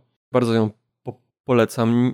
Niewykluczono, że za, za jakiś czas ją sobie odświeżę. Natomiast Cornwell tak naprawdę najbardziej jest znany z zupełnie innego cyklu e, wielotomowego, opowiadających o przygodach angielskiego żo żo żołnierza e, Richarda Sharpa i akcja tych powieści rozgrywa się w czasach napoleońskich i okazało się dotąd 21 powieści i trzy zbiory opowiadań. Ja Też tego bardzo wo... płodny pisarz. Bardzo, tak. E, Cornwell jest znany z tego, że właśnie bardzo dokładnie bada realia historyczne Twoich książek i bardzo dokładnie przygotowuje się do pisania. E, dlatego jak czytałem tą książkę, to dla mnie to było w dużo bardziej przystępne, podane, chociaż oczywiście nie z taką olbrzymią ilością faktów, jak w, przy okazji tych wcześniejszych omawianych przez nas książek, czyli Fergusona i Parkera, bo jednak Ferguson i Parker opowiadają e, tą historię tam na przeciągu 200-300 lat, natomiast e, Cornwell skupia się na tym okresie tam około chyba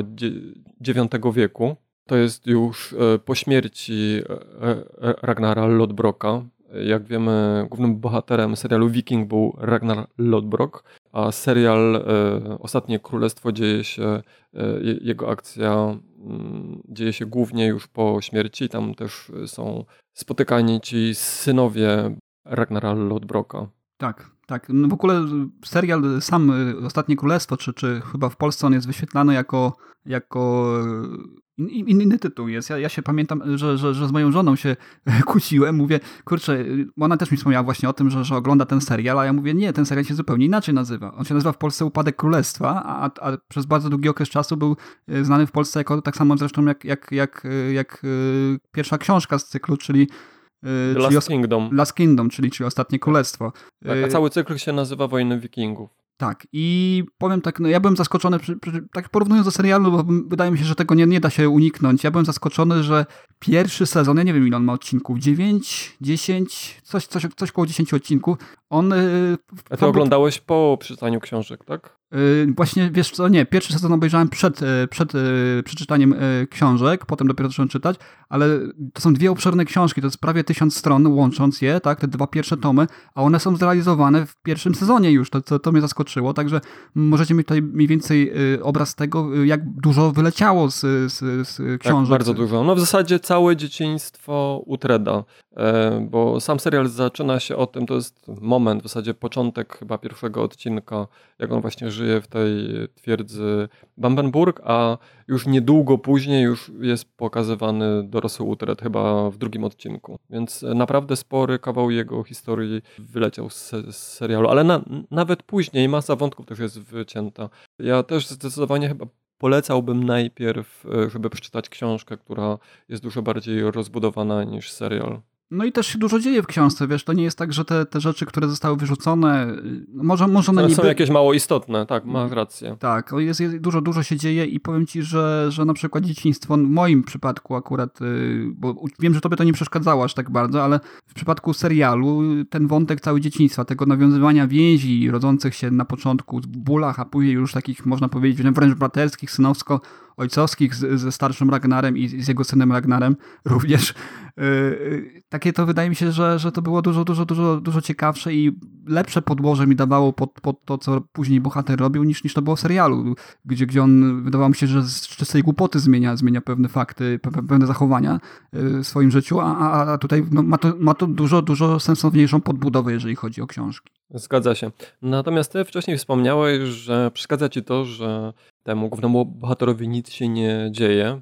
E, Natomiast moim zdaniem pisarz dołożył starań, żeby w pewnym stopniu chociaż była to postać e, tragiczna. Z tego względu, że przez cały czas, e, tych przynajmniej pięciu tomów, które ja czytałem, mm, Utred marzy tylko o jednym, żeby wrócić i zdobyć swoją twierdzę Bambenburg, którą przejął brat jego ojca i nawet próbował zabić Utreda. W związku z tym Utred n- nie może sobie tam po prostu tak wrócić, musi ją zdobyć i musi pokonać tego brata ojca. Natomiast pisarz mu na to nie pozwala. E, Ciąga go w zasadzie po całej Brytanii. Wykorzystuje też e, postać króla Alfreda, jednego z największych królów brytyjskich, którego dziełem życia można było, można powiedzieć, e, czy tam celem życia było zjednoczenie Brytanii, ocalenie Brytanii przed najazdami Duńczyków innych z, wikingów. Z, Strasznie, z- strasznie irytująca postać swoją drogą w książce, ten król Arflet. Zgadza się. Ale to też myślę nie, nie przez przypadek tak y, zostało to na, napisane. Ale powiem Ci, że po pięciu tomach ja już byłem trochę zmęczony. Bo tak, książka jest pisana rewelacyjnie, świetnie się ją czyta. Natomiast schemat y, już po tych pięciu tomach jest bardzo taki widoczny, że co jakiś czas zdarza się jakiś najazd na Brytanię albo na jakąś część Brytanii, bo wtedy Brytania składała się z kilku królestw. W ten czy inny sposób y, Alfred y, wmanipulowuje Utreda, na, namawia jakoś albo prze, przekonuje, żeby stanął po stronie Saksonów i bronił ich przed najazdem Normanów, gdy e, sympatie Utreda są raczej po stronie Duńczyków, bo tak jak mówiliśmy, wychował się wśród Du- Duńczyków. Mimo tego, że z urodzenia był Sasem, to jednak bardziej czuł się Du- Duńczykiem niż Sasem. On był zresztą takim, można powiedzieć, pierwszym e, człowiekiem, e, jakim e, z, jak, z, z jakich później Wielka Brytania się składała. Bo jak wiemy, Normanowie nie chcieli tylko najechać i złupić e, Wielkiej Brytanii, ale oni chcieli ją najechać, tam się osiedlić. I wielu, zresztą mówiłeś o tym także przy okazji tych książek Fergusona i Parkera, że geny e, Skandynawów były odkrywane w całej e- Europie. No a później właśnie mm, przecież e, Wielka Brytania składała się, można powiedzieć, z, z połączenia Wiesz, no, Normanów i, i, no. i Sasów. Na początku, na początku chcieli najeżdżać, palić, grabić, a później się oczywiście... Chcieli osiedlać. Ze wszystkich tych książek wynika, później się stwanili po prostu, zaczęli brać łapówki, to była dość, dość, dość czę- częsta praktyka, że, że woleli W wziąć... książce two- też to jest opisane. Twardą monetę zamiast, zamiast się bić, po co, nie? Wiesz, zresztą wikingowie byli właśnie takimi oportunistami troszeczkę. Mówi się ciągle o tej, wiesz, brawurze wikingów, to jest prawda, o tej odwadze to też jest prawda, ale też tam, gdzie nie trzeba było walczyć, albo myśleli, że nie mają odpowiedniej przewagi siłowej, to woleli sobie spokojnie.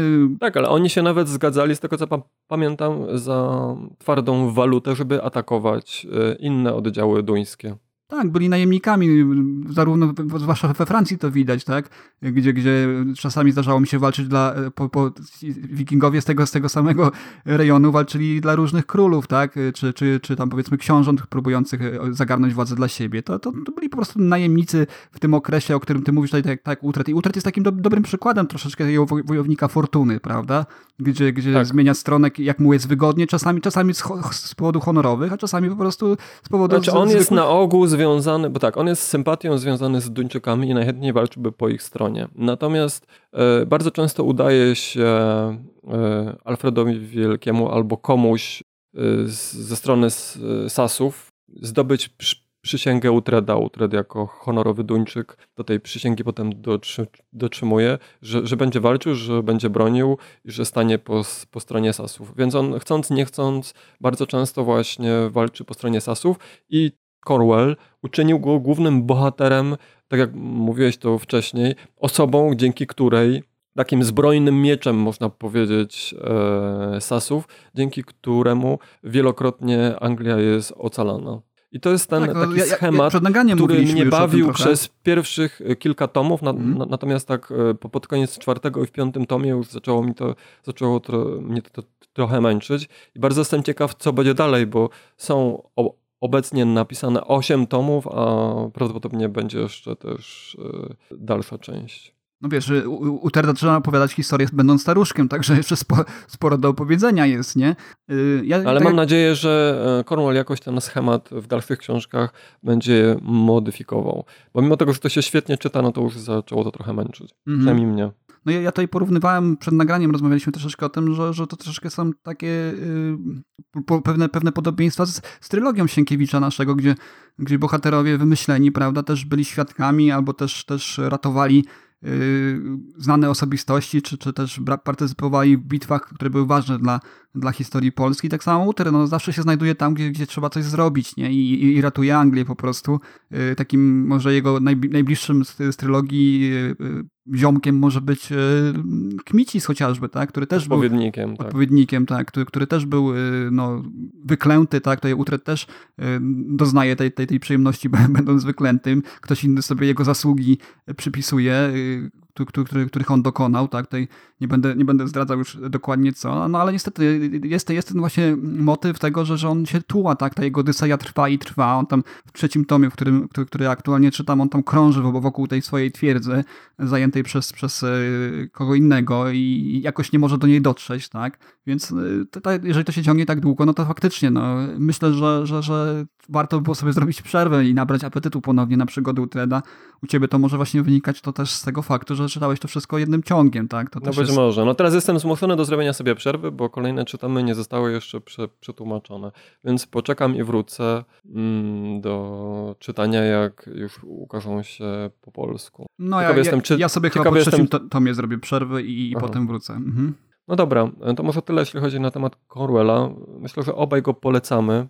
Tak, na tak. Pewno... Nie, nie wiem, czy mówiliśmy o tym, ale postaci też są fajne. To nie, nie chodzi tylko o samego Utreda, ale też dużo, dużo innych bohaterów, y, mniej lub bardziej interesujących, przeważnie bardziej. No, w porównaniu akurat z, z, tutaj, z tym, w jaki sposób wykorzystuje bohaterów e, Elżbieta Herezińska, tutaj Kornel akurat robi to dobrze, tak? E, u niego, u niego te postaci e, tam też są dobrze nakreślone, ale mimo tego, że, mimo tego, że są tak dobrze nakreślone, to jednak wiesz, tu, tutaj się dzieje, a tam ciągle gadają, więc albo myślą, tak? Tak, a tutaj się dzieje mnóstwo, jednak jest sporo też scen batalistycznych, i to dobrze napisanych przede wszystkim, bo, bo, to, bo to bardzo obrazowo, przemawiający do wyobraźni sposób on to opisuje, tak? Tak, natomiast jeśli chodzi o inne książki, które dzieją się w podobnym okresie i których moim zdaniem też warto przeczytać, e, to ja kiedyś czytałem i teraz e, powoli do tego wracam, e, cykl Młot i Krzyż takiego pisarza Harego Harrisona, który był znany, e, był jednym z moich ulubionych pisarzy kiedyś, ale znany z fantastyki naukowej, a nie z powieści historycznych. On jest autorem e, takiej serii Planeta Śmierci, e, serii o stalowym szczurze, takiej dwutomowej też Planeta Prze Przeklętych. I pamiętam, że byłem zaskoczony, jak zacząłem czytać książkę historyczną i to też bardzo ciekawie napisaną. I akcja dzieje się dokładnie w tym samym czasie. W sumie punktem otwarcia pierwszego tomu to jest śmierć Ragnara Lodbroka i planowanie zemsty na Sasach przez synów y, Lodbroka. Mhm. Ja kiedyś czytałem pierwsze trzy tomy. E, pierwszy tom to jest Tral, drugi to jest Karl, a trzeci to jest Jar. Nie wiedziałem, że zostały wydane jeszcze dwa kolejne. E, Droga Króla i Król i Imperator. Te, teraz, e, jak już wiem, że te dwa kolejne tam zostały wydane, chyba sobie odświeżę tą serię i, i przeczytam te dwa, dwa, dwa ostatnie tomy. I tak, e, tak jak zacząłem czytać, to nie czytało się to może tak bardzo interesująco jak Cykl Wojen Wikingów Bernarda Corwella. Tam głównym bohaterem jest niewolnik właśnie, Saski. I to w zasadzie tyle, ile mogę o tej serii powiedzieć, bo tak jak mówię, czytałem już ją bardzo dawno temu, a ostatnio czytałem tam chyba tylko jeden czy dwa, dwa, dwa rozdziały. Z tego co pamiętam, to ona mi się bardzo podobała i też ją mogę po polecić, więc jak ktoś będzie miał jeszcze niedosyt po wojnach Wikingu Bernarda Cornwella, to spokojnie może sobie przeczytać Harry'ego Harrisona. Mimo tego, że znany z, po, z powieści fantastyczno-naukowych, to e, spokojnie dał sobie radę z powieścią historyczną. I jeszcze mógłbym też polecić sagę skandynawską Eryka Promiennookiego. To jest tytuł, natomiast pisane jest to przez e, Henry'ego Hagarda. To czytałem też kilka razy kiedyś. Jest to taka typowa saga e, skandynawska, nie pisana wierszem, ale takim dosyć specyficznym językiem. E, to z kolei opowiada o e, wikingu, właśnie Eryku Pro, Promiennookim. Bardzo polecam. Bardzo ciekawa pozycja, szczególnie jak ktoś chciałby się zapoznać właśnie jak, jak te sagi w, wyglądały. Bo jeśli chodzi o życie Skandynawów z tamtego okresu, to jedyne co przetrwało, to oprócz jakichś takich e, runicznych napisów, no to właśnie przepisywane, powtarzane e, sagi. I ta, ta saga pokazuje mniej więcej jak to życie, jak te sagi wyglądały i jak wikingowie opowiadali jakby sa, sami o sobie. Mhm. Natomiast ostatnią pozycją, też trochę w temacie, którą sobie odświeżyłem niedawno, to jest Roberta Howarda, którego możecie znać z cyklu Conan. On napisał też taki cykl opowiadań Tygrysy Morza. Głównym bohaterem jest jest tam Cormac McArt, jest to Celt. I akcja dzieje się w V wieku, czyli mniej więcej 400 lat wcześniej, ale też opowiada o wikingach, tylko że to jest Howard, więc e, jest to książka bardziej fa fantazy. I akcja się dzieje w naszej rzeczywistości, nie w jakimś wymyślonym e, świecie fantazy, tak jak Conan, e, gdzie on stworzył całe uniwersum, ale zdarzają się tam rzeczy całkowicie fantastyczne i wymyślone, jak na przykład e, pojawienie się w jednym opowiadaniu Kulla z, Atlantydy. Ode mnie no takie polecanki, nie polecanki, bo, bo jedną z książek mam zamiar zacząć czytać, jedną z serii, a drugą przeczytałem już dawno temu i, i powiem szczerze, że dobrze wspominam, ale nie chciałbym w detale chodzić. To jest innymi e, Dagome Judex Zbigniewa Ninackiego, to jest trylogia, której bohaterem jest no, domniemany ojciec Mieszka Dago, tak? E, tutaj ta książka, ten cykl był niedawno całkiem reklamowany jako e, połączenie przebiegłości, znaczy bohater, tak? Równie przebiegły jak, jak, jak Frank Underwood z House of Cards, a sama książka pełna intryg jak, jak Gra o Tron no, różnie reklamują. Ja, ja akurat nie, nie stwierdziłem tego rodzaju tutaj ani zachowań ze strony bohatera, ani też takich y, y, zaskakujących zwrotów akcji. Natomiast bardzo dobrze y, książka jest napisana. Oczywiście skupia się na, na bohaterze tutaj słowiańskim, tak? ale też, też gdzieś tam w pewnym okresie swojego życia przemierza też tereny, tereny Skandynawii, też, też tam z wikingami można powiedzieć się, się na, na, na wyprawy wybiera, także, także tutaj Chciałbym to polecić, może kiedyś do tego jeszcze wrócimy, bo, bo, bo ja bym chciał sobie to kiedyś jeszcze y, przeczytać raz y, ponownie, bo, bo, bo Mile wspominał, ale mówię, już niewiele pamiętam, wiem tylko tyle, że, że Dago odwiedził Wikingów. Natomiast y, tutaj wpadła mi też w oko dość dobrze oceniana na, na, na serwisie Lubimy Czytać seria książek z, z cyklu Skald Łukasza Majnowskiego. No Łukasz Majnowski widzę ma też w swoim dorobku również literaturę faktu historyczną, skupioną właśnie na, na historii wikingów i, i literaturze związaną właśnie z, chyba z badaczem też literatury wikińskiej, z tego co, co, co tutaj widzę po tytułach, bo, bo u niego się pojawiają, są takie tytuły jak Bersekir i Ulfhendar w historii mitach i legendach oraz Heros i Łotr, pogański wojownik średniowiecznej literaturze Islandii. Ba bardzo poważnie brzmią, prawda, te tytuły, więc, więc też jest też jest takim, takim naukowym tutaj podejściem, ale jego cykl Skald, no to e, rzucił mi się w oczy dlatego, że, że tutaj fajny opis jest, że tu jest Einar, którego kochają kobiety, bo jest waleczny, przystojny, dowcipny, inteligentny i sprytny i obeznany ze sztuką miłosną. Trochę brzmi jak połączenie Jaskra, Jaskra z, z Geraltem, Wiedźminem, więc, więc, więc to, to mnie tutaj się rzuciło w oczy tak i, i nabrałem apetytu troszeczkę. Chciałbym spróbować, jak inny polski pisarz y, podchodzi do, tego, do tej tematyki. Ja nie wiem, czy to, nie, czy to jest y, też fantazy, bo tutaj coś, coś pojawia się, że jakiś w pierwszym tomie, że wyjaśnia zagadki morderstw dokonywanych przez powabnego kobiecego demona, także może jakieś tutaj są też wątki fantastyczne wplecione w to wszystko. Zobaczymy. Na pewno y, postaram się omówić i powiedzieć, czy, czy mnie to, ten pierwszy tom wciągnął i, i czy polecam pana tutaj Majnowskiego. Ja tu widzę w ogóle coś takie kuriozalne, coś, co widziałem do tej pory tylko przy okazji tłumaczeń literatury fantazy z, z innych y, języków niż polski, czyli podzielone tomy, na, na, dwa tomy ma niektóre. Tak, tom drugi ma y, wolumin 1 i 2, tom trzeci wolumin 1 i 2 również, także pewnie są dość obszerne i, i nie wiem, czy to jest zabieg samego autora, czy, czy gdzieś tam u wydawnictwie to pocięli. W każdym razie y, do tej pory książek, samych książek, czyli, czyli woluminów jest 5, a, a tomów no, formalnie 3 są. Tak? Zobaczymy, z przyjemnością, z przyjemnością przeczytam. Mam nadzieję, że z przyjemnością, chociaż widzę, że te tomy nie są zbyt, zbyt grube, 300 parę stron każdy. W każdym razie podzielone jest. Mo, może też polityka, co to, żeby... Co to dla ciebie pożeracza książek? No tak, no tak. Ale wiesz, chodzi, chodzi, chodzi mi o ten sam fakt, yy, który stał za tym, że podzielili te tomy. No może, może za grube były albo co, no nie wiem. Zobaczymy. Nie wiem, czy są w e-booku dostępne, także, także będę, będę kwestię badał i, i zobaczymy. Ale z tego, co widzę, tak, są, są również. Będzie można się zapoznać tutaj z panem yy, ja myślę, ja myślę, że ja myślę, że do naszego cyklu wikingowskiego będziemy jeszcze wracać, ponieważ yy, badając temat odkryliśmy, że jest masa różnych po powieści w tym gatunku. Ja, ja myślę, jak y, przeczytam ten cykl Młot i Krzyż Harrisona cały, to też yy, albo wspomnę, albo zrobimy nawet osobny odcinek, jak ty jeszcze też będziesz miał coś no, nowego przeczytanego. To by było na tyle dzisiaj. Jeszcze na koniec, jak to już mamy w zwyczaju od trzech odcinków, co obecnie czy, czytamy? Rafale, może zaczniemy od ciebie. No ode mnie, czyli ja, ja tutaj znowu muszę, teraz, teraz nadrabiam, tak? Y, że, że będzie, że, że, się teraz, że, że się teraz podlizuję, tak? Ale, ale yy, właśnie słuchałem podcastu Bookbusters i tam książkę, która już dość długo była na moim celowniku, ale jakoś tam odkładałem czytanie jej, bo bardzo lubię Tony Haliga i jego programy. Ty pewnie też pamiętasz, e, bo to się oglądało Oczywiście, kiedyś. Tak, tak. Jedne, jeden z najciekawszych programów, jakie oferowała w tamtym okresie telewizja polska. I jest książka, która jest biografią, e, którą napisał Mirosław Wlekły.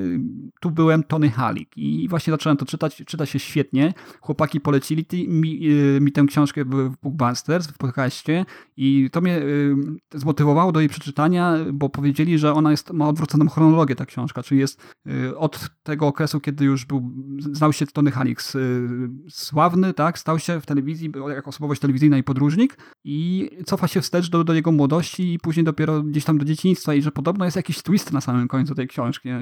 Pierwsza biografia z twistem może być, więc to mnie zmotywowało. Mówię, jestem ciekaw, co tam za chłopaki oczywiście w podcaście nie zdradzili, ale, ale tam jakiś, jakiś twist jest i mam, mam nadzieję, że mnie również zaskoczy i że będzie do tego warte, ale ogólnie sama książka jest bardzo ciekawa, fajnie napisana, czyta się to, chłonie się wręcz bogato ilustrowana też oczywiście zdjęciami, no bo jakżeby inaczej. Też e, tutaj autor biografii nie tylko mówi o samym Tony Haliku, ale też e, wyprawia się w te rejony, gdzie, gdzie Tony Halik e, przebywał, kręcił swoje filmy i dokumenty. Tak? To, jest, to jest taka moja pierwsza książka. Na drugą jest książka też polecona znowu w innym podcaście, Nerdy w kulturze, Blackout. Też, też bardzo długo Blackout Marka Ellsberga miałem na, na celowniku, ale też, też jakoś tak odwlekałem, odwlekałem jego przeczytanie. No i tutaj właśnie chłopaki polecili, mówią, że to jest takie, że nie, trudno się wręcz oderwać. To jest taki e, thriller, e, można powiedzieć, w którym e, no, następuje chyba odpalenie, nie chcę czegoś pomieszać, ale odpalenie impulsu elektromagnetycznego i cały świat zostaje pozbawiony energii elektrycznej, z tego co rozumiem. Więc, więc tutaj się e, przejrzałem sobie spis treści i widzę, że to się dzieje na przestrzeni kilku dni, także podejrzewam, że będzie dość, dość dynamiczna, fajnie napisana książka, thriller y, rodzaju, które ja lubię akurat, jeżeli chodzi o wątki gdzieś tam, powiedzmy, apokalipsy spełnionej, y, gdzie, gdzie to, co, co opisuje autor, może się stać, tak? Czyli to, to jest całkiem prawdopodobne i to, to mnie dużo, dużo bardziej przeraża niż, niż na przykład, nie wiem, apokalipsa zombie, prawda? Więc, więc te, te dwie książki no, w najbliższym czasie mam zamiar przeczytać i może, może, może też w którymś z kolejnych y, odcinków tutaj o nich troszeczkę opowiedzieć. Koniecznie. Ja natomiast teraz, e, tak jak mówiłem, czytam ten cykl Mod i Krzyż Harry'ego Harrisona. Jestem na pierwszym tomie. Niedawno dyskutowaliśmy, jak wspomnieliśmy o tym cyklu Necroscope Briana Lumleya. Ja już czytałem go wielokrotnie, ale nie przeczytałem go całego nigdy, bo on jest chyba dziesięciotomowy, a ja czytałem, ja czytałem zawsze pierwsze pięć tomów. Jakoś te kolejne pięć chyba nie było dostępne, a potem jak się stało dostępne, to mam wrażenie, że nie były tak dobre jak te pierwsze pięć tomów. Dojrzewam do tego, żeby sobie ten cykl odświeżyć. Oprócz tego jeszcze Oglądałem niedawno na Netflixie taki serial Agencja detektywistyczna Dirka Gently. I to jest oparte na podstawie książki Douglasa Adamsa. My dyskutowaliśmy o tym na Facebooku, nie wiem czy sobie przypominasz, ty powiedziałeś, że to jest mhm. adaptacja tej książki. I mnie jakoś to nie pasowało. Znaczy, owszem, oczywiście jest to oparte na, na tej książce Adamsa, ale jest to szalenie luźna adaptacja tego co ja pamiętałem właśnie z książki, ale zacząłem ją sobie czytać, żeby sobie przypomnieć, to jest zupełnie inna niż ten serial. Bo serial to jest taki, serial powiedziałbym bardzo fantastyczno-naukowy i to z taką bardzo zwartą akcją. Y, trochę z takim klimatem ze strefy mroku bym nawet powiedział. Tutaj ty byś mógł się wypowiedzieć, bo jesteś dużo większym specjalistą w tym temacie niż ja. Y, I o tym serialu więcej opowiadam w naszym ostatnim odcinku podcastu po seansie. Jak ktoś jest ciekawy, to może sobie posłuchać. Natomiast książka, tam e, po pierwsze główny bohater, e, czyli tytułowy bohater w zasadzie, Dirk Gently, pojawia się tak naprawdę dopiero w połowie książki, wcześniej jest tylko wspominany. E, jest to zupełnie inny bohater niż ten w serialu, bo w serialu jest to taki młody chłopak, bardzo taki entuzjastyczny, dobry człowiek, natomiast w książce jest taki cwaniaczek, który wykorzystuje ludzi, żeby zarabiać na nich pieniądze. No tak, ale mi powiem ci y, szczerze, że ja jestem dość, dość długo, długo po lekturze. Ja, ja holistyczną agencję i długi mroczny podwieczorek dusz Adamsa czytałem właśnie E, po tym jak przeczytałem wszystkie tomy autostopem przez galaktykę i chciałem więcej, no niestety autorowi się zmarło, prawda? E, w każdym razie wydaje mi się, że, że mimo tego, że, że ta adaptacja dużo zmienia, ja tu się doszukiwałem, zresztą też o tym dyskutowaliśmy, że, że to może nie tyle jest e, adaptacja jakichkolwiek wątków samych książek, niż taka można powiedzieć luźna kontynuacja, bo tam ty, ty, ty tego nie zauważyłeś, a ja to gdzieś tam wyłapałem, ale teraz nie jestem w stanie tego udokumentować, że tam się wspomina właśnie o wydarzeniach, które, które się działy w długim mrocznym wieczorku. I, no ale mówię, ni to adaptacja taka do, do, dogłębna, ni to, ni to yy, nie no wiem, bardziej bardzo luźno, no. bardzo luźno na, na motywach. Są w zasadzie wzięty główny bohater i jakby sama idea tej e, holistycznej agencji detektywistycznej, czyli to, że wszystko ze sobą powiązane i tak naprawdę nie trzeba rozwiązywać spraw, tylko znale- znajdować się w, w, w jakimś miejscu i to się rozwiązuje z, samo z siebie. To jakby tylko ta idea i ten bohater zostały wzięte tak naprawdę z książki i zostało stworzone coś zupełnie innego, moim zdaniem. Nie wiem, być może nasi słuchacze się ze mną nie, nie zgodzą. Mhm. No to w, w, każdym razie to, to sobie czytałem, bo chciałem sobie przy, przypomnieć, zanim nawiążę dyskusję z tobą na ten temat. I czytam jeszcze ciągle też Interstellar i nauka Kipa Torna, który poszedł trochę odstawkę, jak e, czytałem, przygotowywałem się właśnie do tego naszego odcinka o wikingach. Te książki historyczne i seria Bernarda Cornwella. Tak, a przed nami, przed nami kolejne odcinki naszego podcastu. Mamy już e, pewne plany. Tutaj, plany. tutaj wspomniał e, właśnie Michał o tym, że, że czyta nekroskopa. Ja pamiętam, pamiętam zawsze na okładce ten, ten, ten, ten tytuł, taki tekst, który miał przyciągnąć czytelnika, że, że Brian Lumley jest zwany lud, lud, ladlamem horroru, tak? Jakoś to było.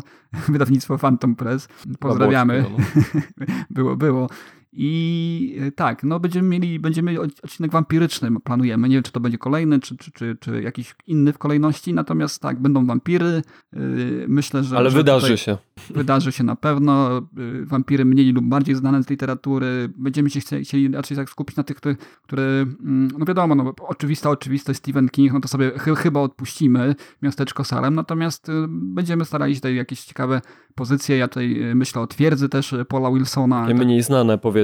No twierdza jest mniej znana, ale chociaż wydaje mi się, że była swego czasu popularna dość w Polsce, bo to też chyba Phantom Press wydawało, o ile się nie mylę.